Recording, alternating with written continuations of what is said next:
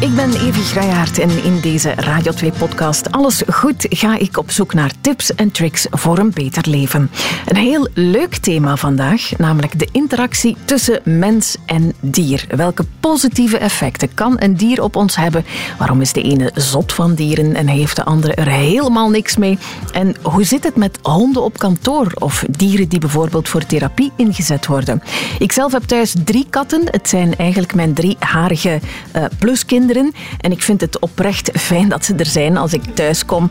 Uh, in de zetel bij mij komen liggen s'avonds. Me morgens begroeten of tijdens het thuiswerken op mijn schoot liggen te spinnen. Ze leren mij ademen. En ze zijn echt part of the family. Um, ik heb Joni Delanoy uitgenodigd. Uh, veel minder harig, gelukkig. Uh, maar onderzoeker aan de uh, KU Leuven. Onderzoeker naar mens-dier-interacties. En um, ook Maarten van Gramberen. Ja, daar over haar durf ik geen uitspraken te doen. maar jij bent mijn kwispelende podcastvriend vandaag. Wauw, zo heeft nog nooit iemand mij genoemd. er is voor alles een eerste keer.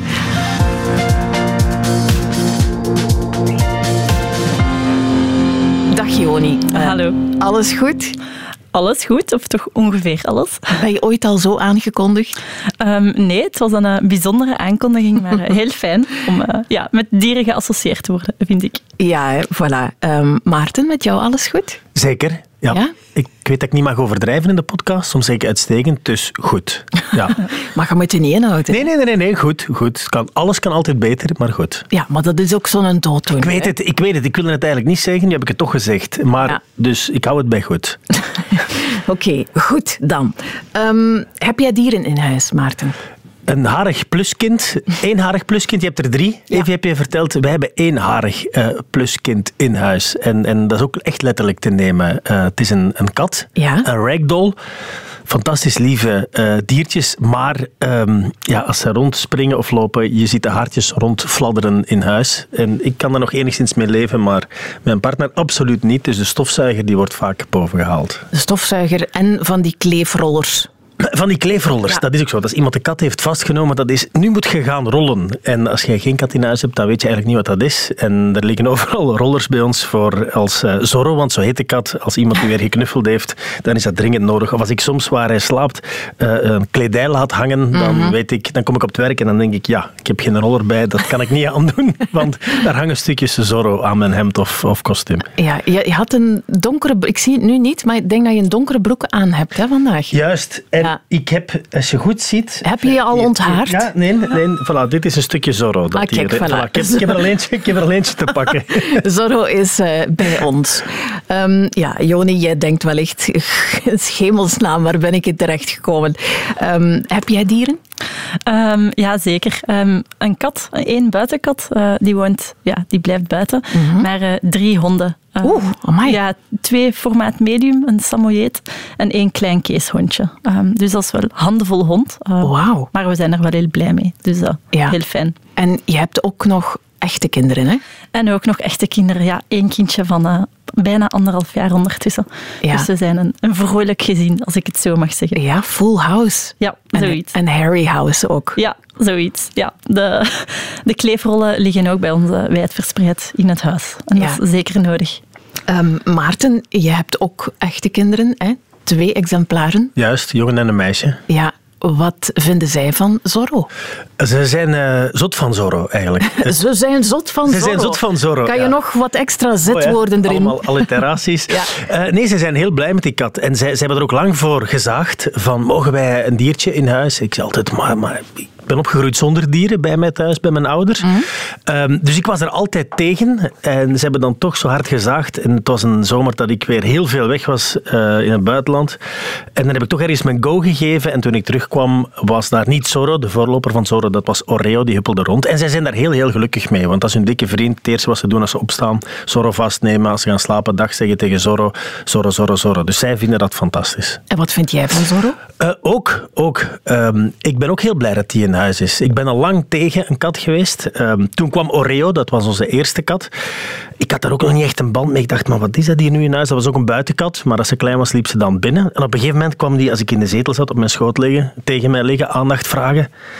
En op een of andere manier raakte ik daar heel erg aan gehecht. Mhm. En had ik plots zoiets van, maar dit is het, uh, de ontbrekende schakel nog uh, om, om een, nog een laagje liefde over, over uw gezin en thuissituatie te leggen. Ik vind dat echt, zo'n diertje in huis, dat, dat is nog iemand extra waar je moet voor zorgen dat vooral heel veel liefde geeft. Um, en ik, uh, ik ben heel blij dat wij, dat wij een kat hebben genomen uiteindelijk. Wie had dat gedacht? Ja, ik had dat zelf nooit gedacht, echt waar. Ik was altijd tegen, we hadden thuis wel eens goudvissen bij mijn ouders en na een paar weken waren die dan gestorven omdat we weer iets verkeerd gedaan hadden. Uh, daar konden zij niks aan doen. Maar ik ben niet opgegroeid met dieren, de liefde van dieren, mijn vrouw wel. En toen kwam die kat daar. En ik, uh, ik zou nu geen leven meer willen zonder, zonder een huisdier bij mij in de buurt. Dat is echt waar. Ik vind dat fantastisch. En ik had er ook nooit verwacht, onlangs met, met Aster en Wim de Vilder, wij waren foto's van ons katten aan het laten zien, aan het praten over mijn kat hier, oh, de deus. Oh en, de, en dan dacht ik, hè, ben ik dit nu echt aan het voeren, dit gesprek? Ik vond het fantastisch en met heel veel passie heb ik dat gedaan. Ja, jullie zijn catmoms. Ja, zo, zoiets, ja. ja. Heerlijk. Um, ja, Joni, ik uh, draai meteen even naar jou. Um, ik denk dat dat al een heel belangrijke is. Mensen die opgroeien met een huisdier, um, staan er wellicht ook meer voor open om er later eentje te hebben dan bijvoorbeeld Maarten. Die had er geen mhm. in zijn kindertijd en was ook niet geneigd om dat te doen. Mm Was er zelfs tegen. Juist, ja. Ja, je ziet daar inderdaad verschillen tussen mensen. Hè. Um, en uh, er wordt gesproken van de voordelige effecten van huisdieren op mensen, of wat we van liefde, zoals je het beschrijft, van die dieren kunnen halen. En we zien daar ook wel verschillen tussen mensen. Dus sommige mensen zijn pro en sommige zijn eerder tegen, zoals Maarten. Ik hoorde het u daar juist ook zeggen, vroeger was ik eerder tegen katten. Um, en we merken ook dat die effecten van die huisdieren voor verschillende mensen ook wel anders kunnen zijn. En er is een, een groep mensen die geboren en getogen zijn met dieren, die die, ja, al die voordelige zaken die jij opnoemt hè, als kind opgroeien met een dier, die dan meepakken hè, van in je geschiedenis hè, als kind. En dan eigenlijk als volwassen daar ook heel sterk naar hunkeren, omdat daar heel veel uh, uit te halen valt. En dan heb je een deel mensen die daar eigenlijk helemaal niet mee vertrouwd is. Um, en die daar eigenlijk ook nooit een, een affiniteit rond ontwikkelen. Uh, wat ook helemaal prima is. Hè. We, we, hoeven niet naar een maatschappij waarin iedereen een huisdier heeft. Maar ik vind het wel mooi om zo'n verhalen te horen um, waarin dat je dan echt um, ja, voorbeeld krijgt van iemand die eerst geen affiniteit had met dieren, omdat je geen ervaring ermee hebt, omdat je er niet mee bent opgegroeid, maar dan door ermee in contact te komen, wel kan aanvoelen wat dat die dieren kunnen teweegbrengen en dat je dan eigenlijk zonder onder druk gezet te worden, nu, hoe dat, dat in uw gezin zat, dat weet ik nu natuurlijk niet helemaal. Druk, Ja, klein beetje van de partner of dergelijke. Maar dat je eigenlijk vanuit een open blik kan beseffen van ik vind dit eigenlijk wel fijn en ik wil wel mee gaan ontdekken wat een dier uh, kan teweegbrengen. En als het dan zo'n positieve, hoe zeg je dat, vormen aanneemt, dan is dat heel fijn. Dan is dat vaak win-win, zowel voor de mens als voor het dier, om zo in harmonie te kunnen samenleven. Ja, was het liefde op het eerste gezicht? Of? Wel, uh, bij de eerste kat niet. Dat, dat, dat, was echt na twee weken kwam zij echt tegen mij kruipen, op mij liggen. En, en dat dacht ik van, hey, dat, dat diertje, dat zie mij graag. Ik had dat nooit ervaren bij een dier. En toen was er echt een moment dat ik... Dat, dat die jullie kat in elkaars heel... ogen keken? Ja, ja zo, zoiets. En ik weet ook eens op een avond, want het was, het was een kat die ook buiten mocht. Ze was niet terug op het uur dat ze normaal terug moest zijn. En ik zag die blinde paniek in de, in de ogen van mijn kinderen. En ik heb mijn jas aangedaan. Ik ben in de buurt beginnen roepen, Oreo, Oreo. En op een gegeven moment kwam hem daar en dat was zo vuil als iets. Hij heeft ergens vastgezeten, stond maar aan de andere kant van de draad. En ik kwam echt als een superheld binnengestapt. Ik had Oreo. En ik was zo blij voor mijn kinderen, maar ook voor mezelf. Want ik zou het verschrikkelijk hebben gevonden als, als ze weg was geweest en we haar niet meer hadden gevonden. Ondertussen is Oreo er niet meer, maar is het Zorro? Het is dus Zorro, Oreo is gestorven? Ja, en ik moet zeggen, Um, Oreo is gestorven in coronatijd. Uh, kinderen spelen heel veel met die kat. Uh, het was fantastisch om Oreo te zien, maar hij had aan de overkant van de steenweg bij ons, vrij druk, had hij de kippen ontdekt. En ik kwam mm. terug van het lopen en ik zag Oreo daar met de kippen aan het spelen. Ik dacht, ai, ai, ai. En op een gegeven moment de bel. Uh, Oreo was negen maanden oud. De buren zegt, kan dat zijn dat jullie kat is? We gingen kijken en dat was Oreo. En ik, ik had dat nooit van mij verwacht. Je moet dat dan tegen uw kinderen zeggen. We hebben dat direct gezegd van, kijk, dat is er gebeurd, tranen. Maar ik was daar zelf ook echt slecht van. Dat ik dacht, mm -hmm. maar alleen maar Maarten, uh, dat is een kat van negen maanden. Ik begreep dat vroeger absoluut niet. De, het verdriet dat kinderen of mensen kunnen hebben van het verlies van een huisdier. Nu begrijp ik er alles van. Ik ben daar echt anderhalve dag slecht van geweest. En toen zei mijn vrouw, zeg, uh, verman nu eens even. En dan heb ik dat ook gedaan. Maar ik was daar echt, echt slecht van. Mhm. Eh, zo graag zag ik dat katje op negen maanden tijd. En nu begrijp ik bij alle mensen en iedereen van wauw, liefde voor een dier, dat is iets dat heel diep snijdt en waar je ontzettend verdrietig kan over zijn. En vroeger als iemand zijn hond stierf, zou ik daar nooit iets van gezegd hebben, omdat het mij niet interesseerde, dat ik niet wist. Dat, dan dacht ik, ja, dat is maar uw hond. Maar nu ga ik altijd een berichtje sturen of zeggen, sava en, en dit en dat. Ja, dat krijg je dan. Hè. Ja, ja. Uh, die liefde voor een dier en ook het gemis als dat dier dan uh, sterft dat is ook wel een ding, hè? Dat is zeker een ding. En um, het is ook heel mooi beschreven door Maarten, dat je um, ook ofwel... begrijp je dat ergens en ga je mhm. ook uh, erkennen of, of mee aanvoelen dat iemand zo'n affiliatieve band met zijn dier kan opbouwen. Want het wegvallen van zo'n dier, dat is wel effectief iets. En mensen rouwen daar ook echt om. Um, maar mensen die niets met dieren hebben en die die band nooit hebben gekend, dat is ook logisch, hè, dat zij vaak niet zo goed kunnen inschatten, of omdat zij het niet aanvoelen, um, wat dat, dat doet met een mens. En dat is natuurlijk een van de um, krachten van dieren, of een van de manieren waarop dat zij een effect hebben, is omdat zij echt een, een band aangaan met de mens. Zeker katten, honden zijn echt gedomesticeerd, zijn erop gericht om met de mens samen te leven. Zijn ook in hun evolutie van hun eigen psychologie um, naar hechtingspatronen gegaan die overeenkomen met de hechtingspatronen van mensen en dergelijke meer. Waardoor dat je echt in een soort van coöperatief of een soort van samenwerkingsverband met dat dier gaat zitten alsof het een gezinslid is. Dat is voor dat dier voelt dat zo aan, voor de mens voelt dat zo aan. Mhm. En dat geeft heel wat uh, moois en heel wat, ja, hoe zeg je, banden, uh, net zoals dat je met mensen kan hebben. Dat als die banden dan doorgesneden worden door bijvoorbeeld overlijden, dat dat inderdaad ook wel veel achterlaat. Ja, ik stond onlangs uh, op de set van Stukken van Mensen en Rachel, ons asielkatje van de vier, we hadden er toen nog vier, uh, was niet goed. En uh, we hebben haar moeten laten inslapen, maar ik zat dus op locatie. Um, ik bleef daar overnachten een, een drie weken aan een stuk, uh, omdat heel vroeg, heel laat. En dus ja, ik heb van op afstand moeten toestemming geven om. En echt waar, ik heb daar gestaan en staan blijten, gelijk een klein kind. En ik wist vijf minuten later op de set uh, een vrolijke afronding van een deal bij stukken van mensen doen.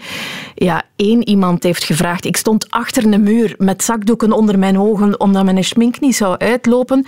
Maar ik heb staan huilen. Dan ben ik met van die roze ogen op de set gekomen. En uiteraard vroeg iemand, oei, ça va? En ik, ben, ik dacht, nee, Graaiaard, nee, nee, nee, op, te laat. Ja.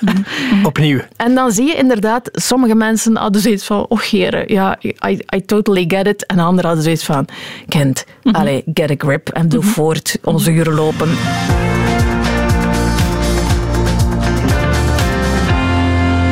Joni, jij doet onderzoek naar de interactie tussen mensen en dieren. Hoe zit dat eigenlijk in elkaar? Ik, ik zal even toelichten, want we zijn al de hele tijd eigenlijk aan het spreken over de effecten van mens op dier.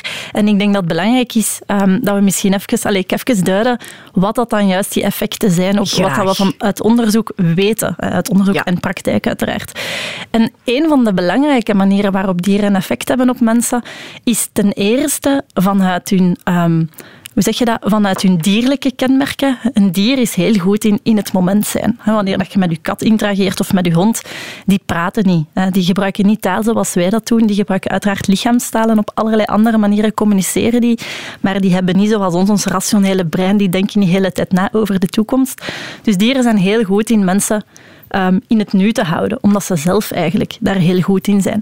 Dus dat is een van de effecten die we zien, ook als we spreken over dieren in therapie. Um, de effecten van dieren op mensen zijn eigenlijk door de eeuwen heen bestudeerd. Hij komt vanuit de oudheid, um, dan zo verder gegroeid in de middeleeuwen en dergelijke meer. In de jaren zestig zijn dan dieren eigenlijk stilaan in de menselijke zorg binnengeslopen, omdat ze dan merkten, bijvoorbeeld in ziekenhuizen en dergelijke, uh, dat de aanwezigheid van dieren zorgde voor een, zeg je dat, een verbeterd of een versneld genezingsproces. Vooral op mentaal vlak, maar dan ook uh, als gevolg daarvan op fysiek vlak. Um, en dat kan allerlei verklaringen hebben. Waarom is dat net zo? En dus een van die elementen is, oké, een dier is heel goed in in het nu zijn, brengt dat contact met zich mee. Je kan er ook fysiek uh, mee knuffelen en dergelijke. Uh, dus dat is een heel veilig uh, stukje. En als tweede belangrijk effect zien we nu eigenlijk ook wel hedendaags in de maatschappij, dat de kracht van dieren heel vaak is dat zij um, mensen onderling met elkaar verbinden. We mhm. noemen dat het sociale lijmeffect. Dat is eigenlijk dat een, door een dier bij jou in de buurt te hebben, ga je veel sneller um, contacten maken met anderen. Um, ik weet niet, als je ooit zelf met je hond uh, door een park hebt gewandeld, hoeveel meer gesprekken dat je hebt met mensen rond u dan als je alleen door het park wandelt. Hè. Of als je uh, bijvoorbeeld tegenwoordig hebt een honden op kantoor die worden meegebracht en dergelijke. Um, of assistentiehonden van uh, mensen die een blinde geleidehond hebben of dergelijke. Die merken ook dat door de hond dat het contact met mensen heel sterk wordt gefaciliteerd. Dat zijn twee heel verschillende zaken. Dus ten eerste, het dier is meer in het moment. Ten tweede, het dier faciliteert de contacten met mensen. Dus het is eerder een indirect stukje. Twee heel verschillende dingen, maar die wel allebei op zichzelf heel krachtig zijn. En dan ga ik nog aanvullen met een derde. Um, en dat is eigenlijk, dat doen wij als mens onbewust. Als wij dieren zien, of wij zien dieren samen met mensen, dan leiden wij um, uit die interactie tussen die mensen en dat dier heel wat af waarmee ik zo wil zeggen, als um, stel dat iemand hier zijn hond zou meenemen en je ziet als mensen, stel Evie, je hebt je hond mee of je hebt een hond mee en ik zie dat jij eigenlijk heel vriendschappelijk tegenover die hond doet en die hond die rolt in de modder of die maakt alles vuil of die heeft overal haren dat hij op iedereen achterlaat en jij zit er helemaal fijn mee. Jij zegt, ja, dat is, dat is oké, jij mocht hond zijn, jij mocht iets fout doen en ik aanvaard u zoals dat jij bent. Mhm. Als mens pikken wij dat heel snel op en dan denken we, ah, die Evie, dat is eigenlijk wel een toffe. Want die aanvaardt dieren zoals ze zijn en die hond hond mag hier fouten maken en die wordt daar niet op afgerekend. Mhm. En dat is ook, eh, zeker in het therapeutische stukje, dieren in psychotherapie, dieren in de zorg, is ook een heel belangrijk stukje dat we zien, dat een dier op zo'n manier in menselijke gemeenschappen heel veel kan teweegbrengen. Dus dat zijn zo'n beetje drie belangrijke eh, manieren waarop een dier effect heeft op wow. de mens. Ja, fascinerend vind ik het. Ja. ja. um, doe jij iets met je dier, Maarten? Um, als je stress hebt of zo? Dat uh, klinkt heel fout, nee, nee, nee, heel nee, positief. Ik begrijp zeker uh, wat je bedoelt. Uh, het eerste wat ik doe s morgens als ik beneden kom is uh, onze kat slaapt in de garage, haar de deur open doen en naar binnen laten lopen. Want uh, ik heb ook eens gehoord, katten die praten alleen, die miauwen alleen tegen mensen. Uh, onderling doen ze dat niet. En dan maakt ze ook wel van haar oren van ik ben hier. En um, ik observeer haar wel vaak. Onze kat is iemand die komt altijd in het midden van waar de mensen zijn, daar gaat zij in het midden liggen. Altijd zo dicht mogelijk bij de mensen. En haar gewoon zien en de gezelligheid, hoe dat ze ligt en niks aan het doen is vooral, dat maakt me heel gelukkig. En haar aaien uiteraard ook daar, haar verzorgen, eten geven, dat soort dingen allemaal. Maar haar vooral observeren, daar word ik rustig van. Als je haar ziet liggen, dat je denkt van, ik heb zoveel stress. En dan ligt ze daar op een schapenvelletje, mm. dat je haar hoofd niet eens kan zien, pootjes over haar. En dan, dan wij, trekken wij zo foto's, sturen die rond naar elkaar. Maar zie dat nu eens af. Het is weer een drukke dag voor Zorro, ja, dat is de, de grootste interactie dat ik heb met, met, met haar. Ja. Het is eigenlijk een hij die niet meer hij is. Maar goed, ik zeg haar. En dat stukje van niks doen vind ik wel interessant. Hè? Want je hebt ah, ik, gewoon het er naar kijken en zien hoe die kat niks aan het doen is. En dat verliezen wij als mensen in onze heel drukke samenleving wel vaak. Het, het belang van het niks doen en het even stilstaan. We zitten in de ratrace. Alles moet efficiënter, alles moet effectiever. We hebben time management cursussen. Maar kijk naar een kat en vergeet al je time management, want die kat is gewoon niks aan het doen. En dat maakt dan net zo fijn. En ik denk dat een dier, enfin, ik denk dat, we weten dat ook, een dier brengt ons een beetje terug naar dat, naar dat rustige Ja, dat is wel zo. Gegeven dat het dier ook zich oké voelt en zich gelukkig voelt. Hè? Want als je kunt je voorstellen, als je naar een dier ligt te kijken dat helemaal overstrest is en zich niet gelukkig voelt, daar gaat je zelf als mens ook niet gelukkig uh, van worden. Dus in, in heel dat verhaal is het ook wel belangrijk dat we dat welzijn van die dieren natuurlijk ook wel bewaken en, en voorop stellen. Ja, uh, ik persoonlijk um, krijg eigenlijk ademhalingslessen van een, een van onze katten, Apache, mm een, een rosse Maine Coon. Die kan ook zo heerlijk met al zijn ledematen helemaal uitgestrekt... Uh, poten in de lucht, buik naar boven, dus surrender compleet. En dan kan die zo doen. En dan denk ik, ja juist, ik moet ademen. Ik moet met mijn buik ademen en ik moet rustig ademen. Dus dat is eigenlijk mijn yoga-instructor ook. Zoiets, ja. Mindfulness, hè, dat het, het, of, of het in het moment zijn met ademhalen. Ja, dat, is, maar dat hoor je altijd voor mensen. We moeten meer in het moment zijn. Ik heb dat nooit zo bekeken eigenlijk. Dus ik vind het heel interessant wat je zegt. Van die, die dieren zijn gewoon in het moment. Nu honger, nu eten, nu spelen, mhm. nu slapen. En dat we daar iets van moeten leren. Ja, moeten vind ik zo'n groot woord. Nee, mogen kunnen, of kunnen. Mogen, ja, kunnen, willen, ja. Als, als, als we er ruimte voor hebben, als we ervoor openstaan. Maar dat zijn wel heel, heel interessante dingen om te zien gebeuren. Ook in therapiesessies en dergelijke worden die effecten beschreven. Maar ook in, onze, in het straatbeeld. Wandel met een hond of met een ander dier en kijk wat er gebeurt. Mensen komen terug in het moment en gaan misschien wel beter ademhalen daarvan. ja. Het zijn echt harige verbinders. Zoiets, ja. Ja. ja, ik heb iets met harig precies ook. Ik vind dat leuk om te zeggen. Ja, ja maar um, zijn mensen met dieren sowieso gelukkiger? Mogen we dat stellen? Of is dat a bridge too far? Um, dat zou ik een bridge too far noemen. Um, eh, het, is, het is gevaarlijk, gevaarlijk. Het is een bridge too far om te stellen van oké, als we twee groepen met elkaar gaan vergelijken, mensen met dieren, mensen zonder degene met zijn gelukkiger. En zeker omdat ze een dier hebben. Um, wat dat we wel soms zien in groepen van mensen die gelukkiger zijn, zijn er een aantal factoren die samenhangen met het aankopen van een dier. Wanneer dat je uh, financieel geen problemen hebt, wanneer dat je ruim woont, ja, dan ben je in staat om een dier aan te kopen. Maar je financieel goed voelen en ruim wonen, dat hangt ook samen met bepaalde mate van gelukkig kunnen zijn en Maar, um, dus we willen zeker niet stellen dat je een dier moet nemen om gelukkig te worden, want dat is niet voor iedereen zo. Maar binnen de groep van mensen die eigenlijk wel een affiniteit hebben met dieren en die daar wel um, veel uit zouden kunnen halen, zien we wel dat als zij een dier hebben, dan wel thuis, of ze hebben bepaalde interacties met dieren uh, onder bepaalde omstandigheden, dat daar wel heel, heel wat moois um, komt. En, en binnen die groep van mensen die graag een dier willen, als het ook goed zit, als dat dier zich goed voelt, ja. hè, als die situatie goed zit, dan zie je echt wel heel... Um, goede dingen uh, gebeuren. Bijvoorbeeld, um, denk aan een dier dat mensen terug verbindt met de gemeenschap. Het is soms misschien een beetje jammer om te denken dat we daar dieren voor nodig hebben. Hè. Waarom kan het ja. niet zonder? Maar het is wel zo dat als je alleen woont en je hebt een dier, dat je sociaal kapitaal, het sociaal kapitaal is je sociaal netwerk, um, dat dat groter wordt en dat je je meer verankerd gaat voelen. Dat dier zelf, hè, je bent niet alleen. En dat geeft heel veel mogelijkheden om ja, voor mentaal welzijn van een grote groep mensen. Uh, gegeven dat dat dierenwelzijn niet vergeten wordt en gegeven dat we zeker ook respect of dat we erkennen dat het niet voor iedereen is. Een dier is niet een, een middel dat voor iedereen de weg naar geluk opent, maar voor een deel van de mensen. Maar het kan, kan het, het kan je nog gelukkiger maken. Het kan er nog een laagje bovenop leggen. er ik vind, ik vind dat een bolletje, leggen, ja. een aardig bolletje geluk dat daar rondloopt. En dat, dat, dat, ons, dat geeft ons liefde en warmte. Oké, dat, dat heb je sowieso al in een gezin, maar, maar ook nog eens extra. Zeker. Of als, het dan, ja, als dan de kerstboom staat, dan heeft je daar weer ergens onder genesteld. Niet erin, want dat was bij de vorige kat al het probleem. Dan zeg je, maar hij zit dat nu eens af. En dan, dat, dat prentje, daar word je gewoon gelukkig van, Ja. om die daar dan zo vredig zien onder te liggen onder die boom.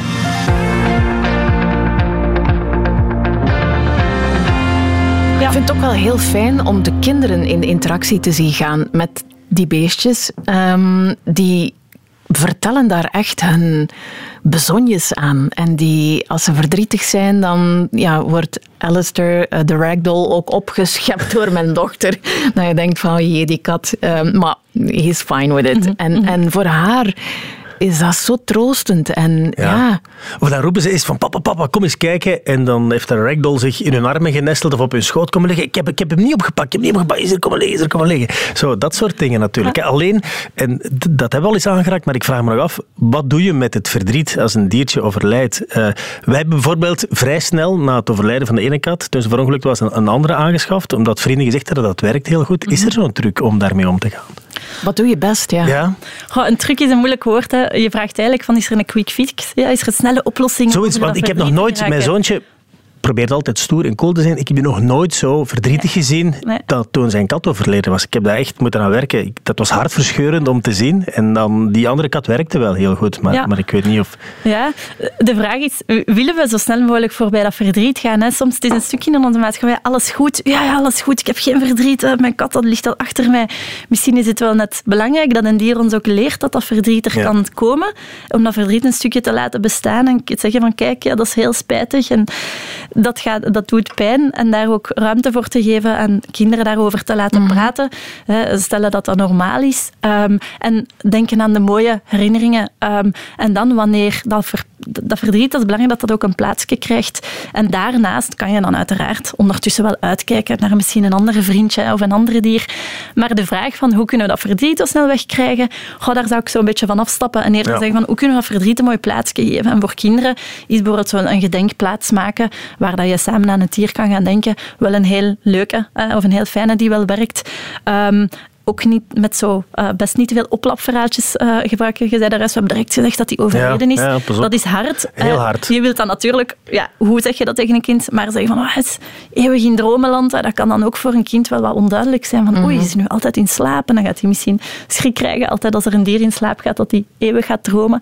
Dus geen eufemisme gebruiken en proberen te zeggen waar het op staat, op een empathische manier, dat verdriet een plaatsje te geven en ondertussen rustig uitkijken naar een andere geschikt dier. Ja. Ehm, ja. In ons geval, toen Rachel uh, overleden was, um, hebben we dat ook effectief eerlijk gecommuniceerd. Er was heel veel verdriet, heel veel geween. Uh, ja, ik niet in het minst. Um, en ik dacht, oké, dat is goed dat ze dit zien, dat mij dit mhm. ook onderuit haalt. En we hebben samen geweend, uh, geknuffeld, we hebben erover gebabbeld. Ze hebben al hun vragen mogen stellen. We hebben ze laten cremeren. Mhm. Mhm. Ehm, en we hebben ze dan een plaatje gegeven met mooie witte bloemetjes uh, op, op, de bloemenheuvel in onze tuin. Um, ja, en voilà. Dus ja, we didn't sugarcoat things. Maar inderdaad, op een kindvriendelijke manier. Ja, leren met verdriet omgaan is ook deel van het leven. Ja, ik vergeet dat ook nooit meer. We zijn ook naar het bos gestapt, natuurreservaat, boomstam, prachtige dag. En iedereen was aan het vertellen over, over Oreo. Ja, soms denk ik, maar alleen Maarten, zeg jij dan nu? Ja, het was zo. En ik had daar nood aan en dat werkte heel goed. En als we nu door het bos aan die plaats komen, zeggen we, ah, hier zaten we met, met de dood van, van Oreo. Ja. ja.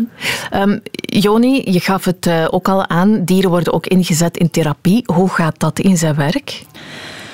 Um, je hebt heel veel verschillende manieren waarop dat kan gebeuren. Um, nu, we komen van het stukje kinderen met dieren en daar is eigenlijk een stukje overlap. Hè, want de reden waarom dat, dat met kinderen en dieren ook zo goed marcheert, is omdat een, een dier oordeelt absoluut niet. Hè. Een dier vindt iedereen prima.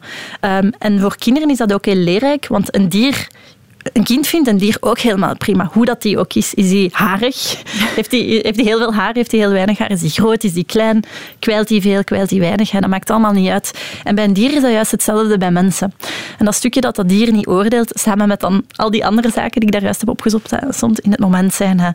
Um, je kan uit een, uh, een, interactie tussen een therapeut en een dier veel afleiden uit die therapeut en zo, uh, over die therapeut. Um, om die reden worden dieren uh, op verschillende manieren in therapie ingezet. Nu, de meest bekende is in zo de klassieke psychotherapie, gesprekstherapie, waarbij dat er dan eigenlijk uh, een hond aanwezig is in die gesprekstherapeutische ruimte. En ik weet niet of jullie dat weten, maar voor het Freud, dat is de grondlegger van de psychoanalyse, ik denk dat veel mensen die wel kennen. Ja, ja. Um, iedereen kent hem van naam, denk ik. Maar... met die verschillende fases, hè? Ja, fases en dat soort dingen. dat, dat, is wat veel mensen onthouden. Um, maar wat dat veel mensen niet weten, is dat hij altijd zijn hond bij een therapieruimte had. En dat hij eigenlijk heeft beschreven dat door de aanwezigheid van zijn hond een chow chow, Joffie heette die chow chow, is heel leuk, moet maar eens foto's opzoeken, een heel schattige rosse hond. en doordat die hond aanwezig was, beschreef hij dat mensen meer neiging hadden om zich ontspannen te voelen en meer te vertellen.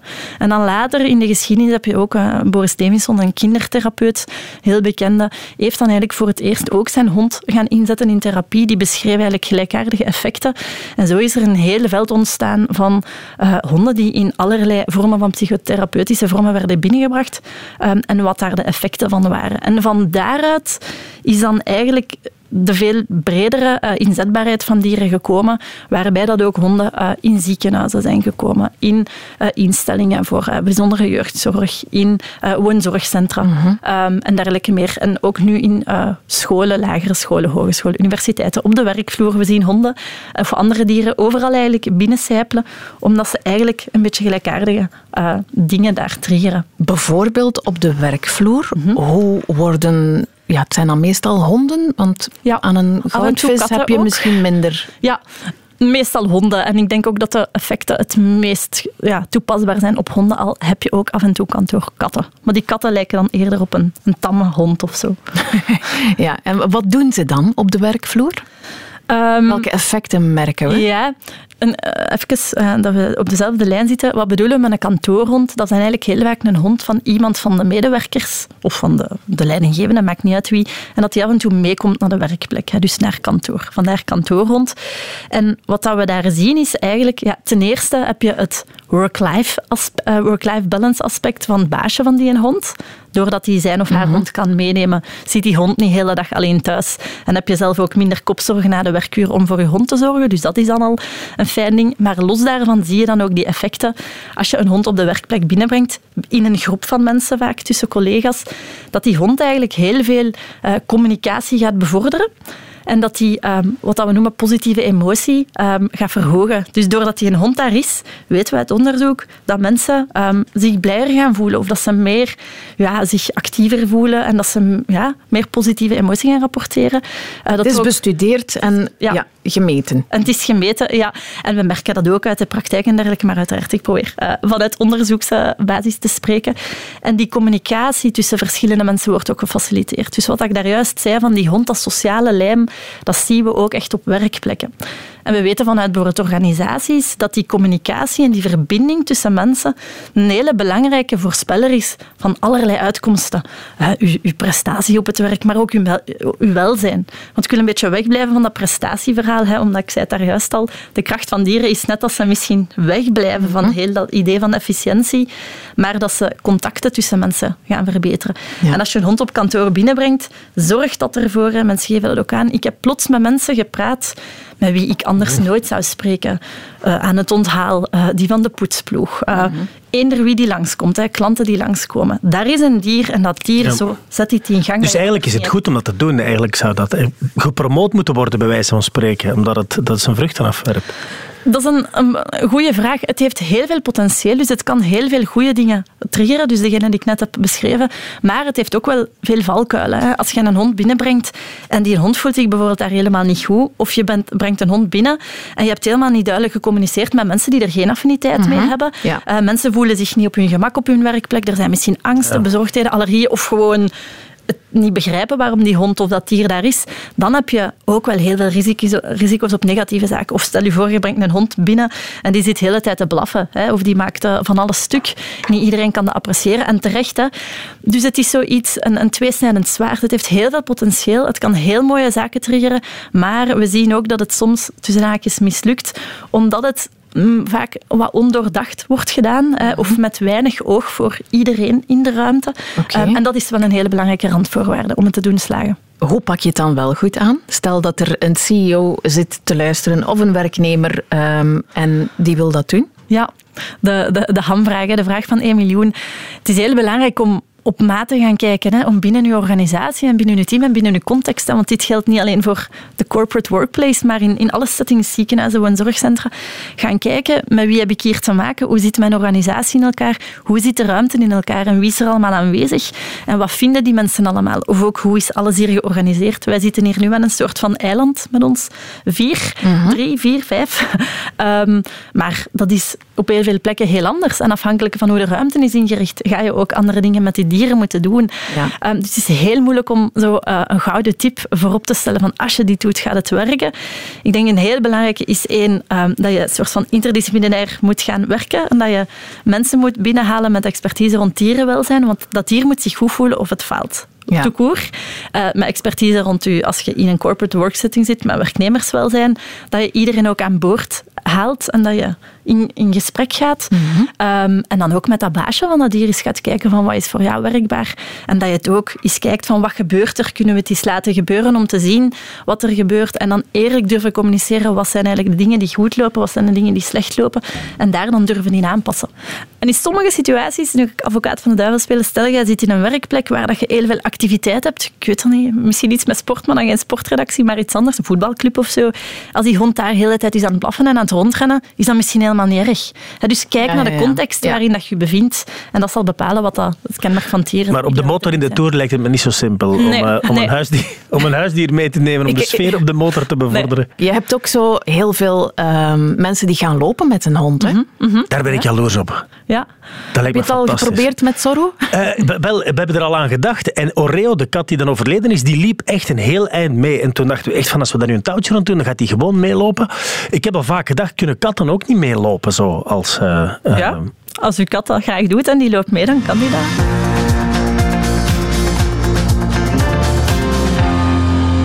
Die verbinding vind ik een hele belangrijke ook, Joni. Ehm, eenzaamheid is alom tegenwoordig in onze maatschappij. Uh, je hoort vaak kritiek van mensen die het misschien wat minder breed hebben, die soms misschien dakloos zelfs zijn en die dan wel nog een hond hebben. Mhm. En dan hoor je vaak kritiek van mensen, ja ja, uh, ze kunnen dit of dat niet betalen, maar ze hebben dan wel nog een hond die ook nog een keer eten moet krijgen.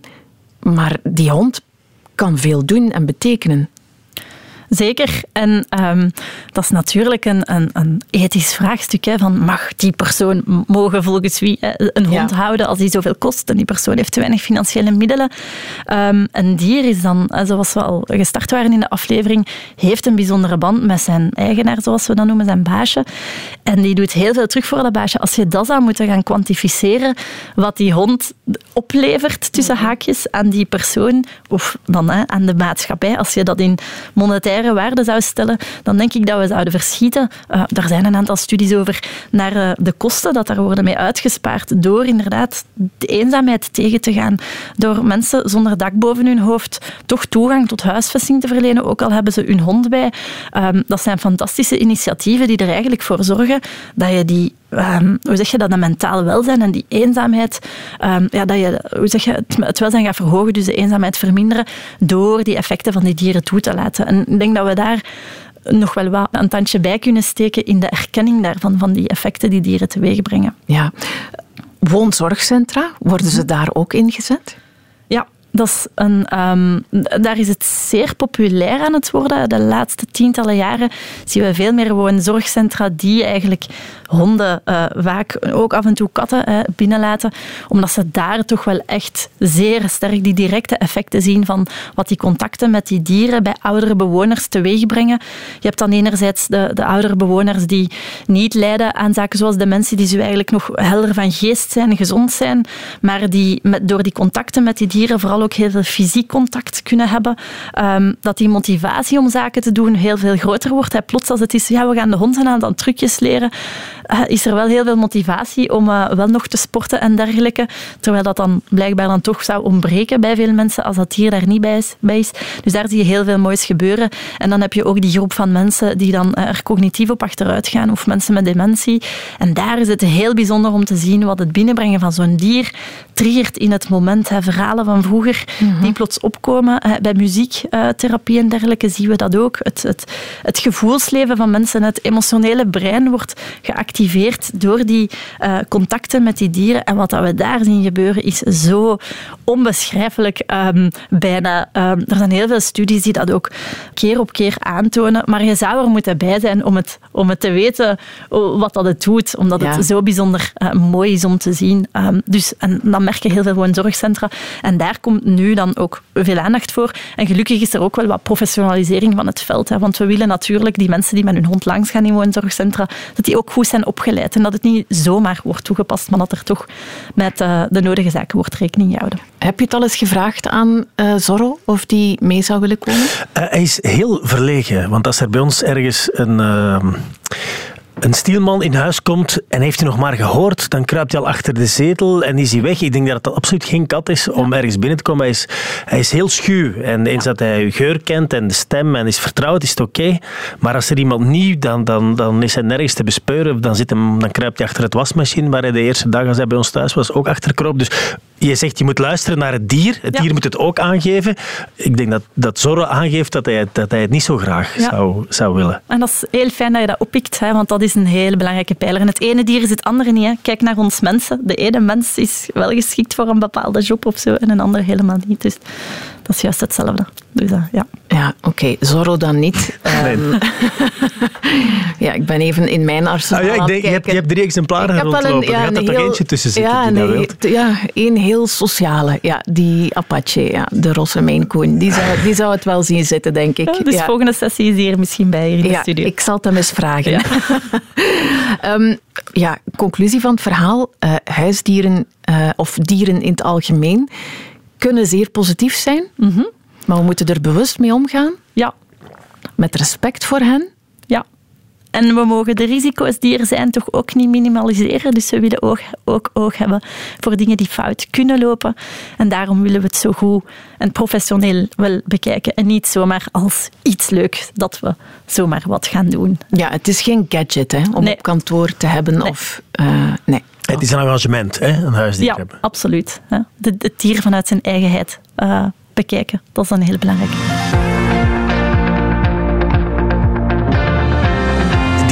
Precies dat je zelf dierenvriend bent? Of dat je, we denken altijd dat, dat die kunnen ruiken, dat er ook dieren bij ons in de buurt zijn geweest. Ik hoop dat dat meevalt, die geur. ja. Maar dat merk je ook aan dieren. Die hebben zoiets, jij bent een dierenvriend, ik Ja. kom naar u. Dat voelen die precies op een of andere ja. manier. Ja. Wat, wat is daarvan aan? Ik ken zelfs een koppel die hebben een, een hond, een soort herdershond.